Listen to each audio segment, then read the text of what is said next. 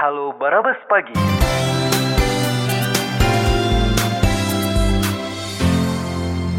Halo Barabas Pagi. Ada Kepala Bidang Wilayah 2 Balai Besar Konve Konservasi Sumber Daya Alam atau BBKSDA Riau ada Mas Heru Mantoro ini terkait dengan 14 gajah liar yang masuk di Desa Semunai. Silakan Jesse. Selamat pagi Bang Heru.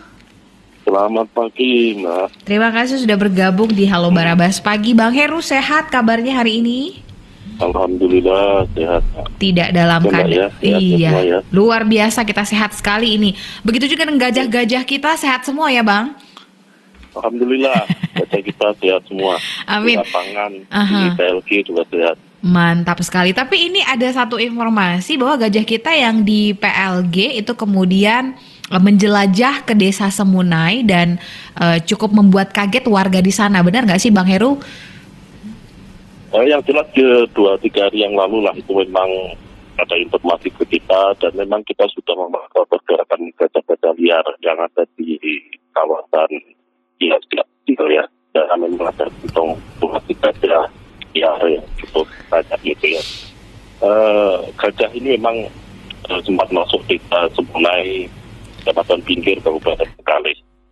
Eh, dan juga masuk ke perkebunan warga dan juga ada di situ perusahaan perkebunan sawit PTAD dan eh, gajah sempat eh, masuk ke pemukiman eh, pemukiman perkebunan warga kemudian juga masuk ke perkebunan PTAD dan dia bertahan di situ dan informasi dari teman-teman di lapangan memang ya, sudah akan kembali lagi ke habitatnya di kawasan atau di kantong gajah di Kiamsiat kecil gitu.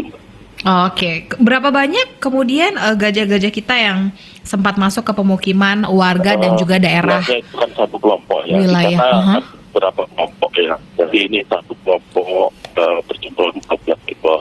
Biasanya satu kelompok itu kan lebih banyak betinanya dan juga eh, remaja. Itu ada betina, ada jantan.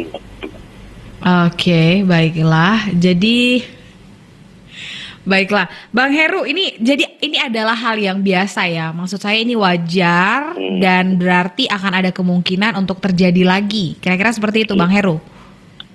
Ya memang kalau kita melihat dan mengamati perilaku satwa liar ya, Mhm, terutama satwa-satwa yang besar ya, kita liar harimau itu memang dia memiliki teritori ya, daerah Oke. wilayah jelajah yang cukup luas.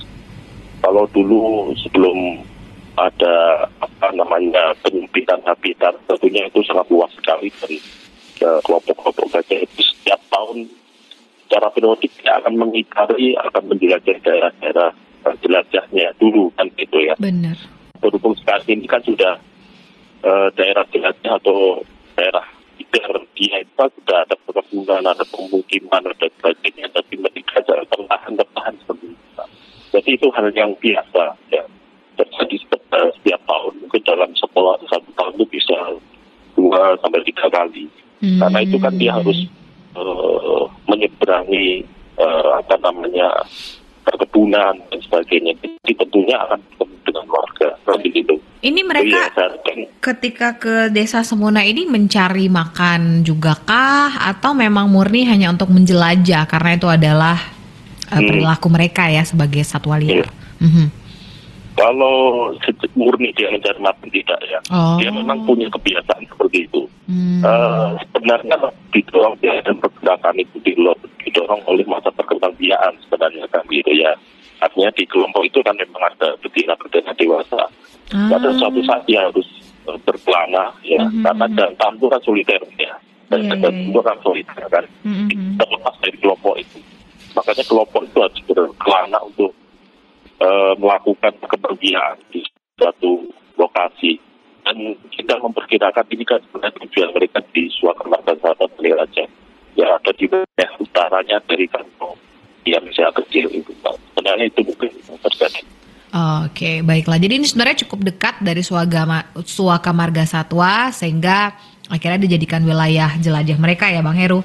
Iya, iya. Tapi sejauh ini tidak ada warga yang kemudian melaporkan kebunnya rusak atau eh, korban eh, di apa namanya diganggu ya ada vis, uh, kontak fisik tidak ada ya Hmm. hal-hal seperti itu terjadi. Kalau kontak fisik tidak ya. Aha, Jadi ya, eh, yang terjadi adalah bagian adalah eh, kebun-kebun atau sawitnya itu dimakan ya sambil dia jalan ya memang seperti itu.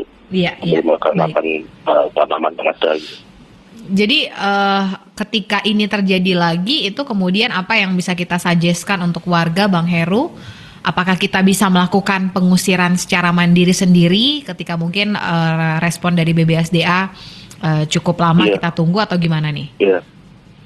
Eh, sebenarnya kita juga eh, punya tim-tim ya di sana di daerah Duri dan eh, Bengkali sana. Yang standby di sana ya? Tim untuk mandiri ya, Ah, itu baik dari ah. LSM dan juga masyarakat. Iya, baik. Jadi mereka ya biasanya kalaupun kita tenaga terbatas mereka yang bergerak dulu, mereka sudah ada pelatihan dan sebagainya. Kemudian dari kita memang kalau ada masyarakat yang eh, belum terbiasa dengan gajah, ya tolong lapor ke kita. Karena kita di sana ada LG kita, jadi eh, akan kita turunkan tim untuk eh, kalau menggiring gajah liar ini keluar dari eh, dan sebagainya.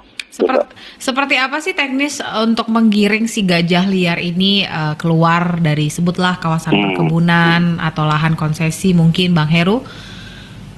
Eh, memang perilaku gajah ini kan kalau kita lihat di lapangan kan berbeda-beda ya kelompok gajah.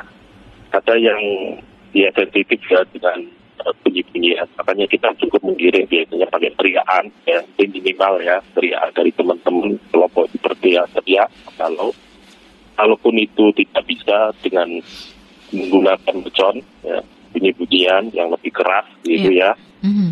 di eh, agar ber- eh, PT terhalau keluar dari area. Kemudian juga kalaupun memang tidak bisa ya sudah bangkang gitu ya gajahnya ya kita pakai turunkan gajah Cina. Kita punya gajah-gajah binaan untuk bisa menghalau gajah-gajah liar itu.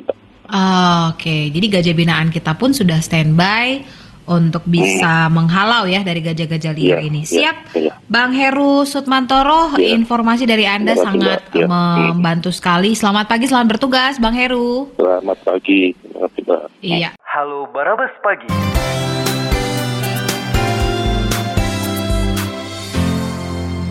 Halo Barabas Pagi.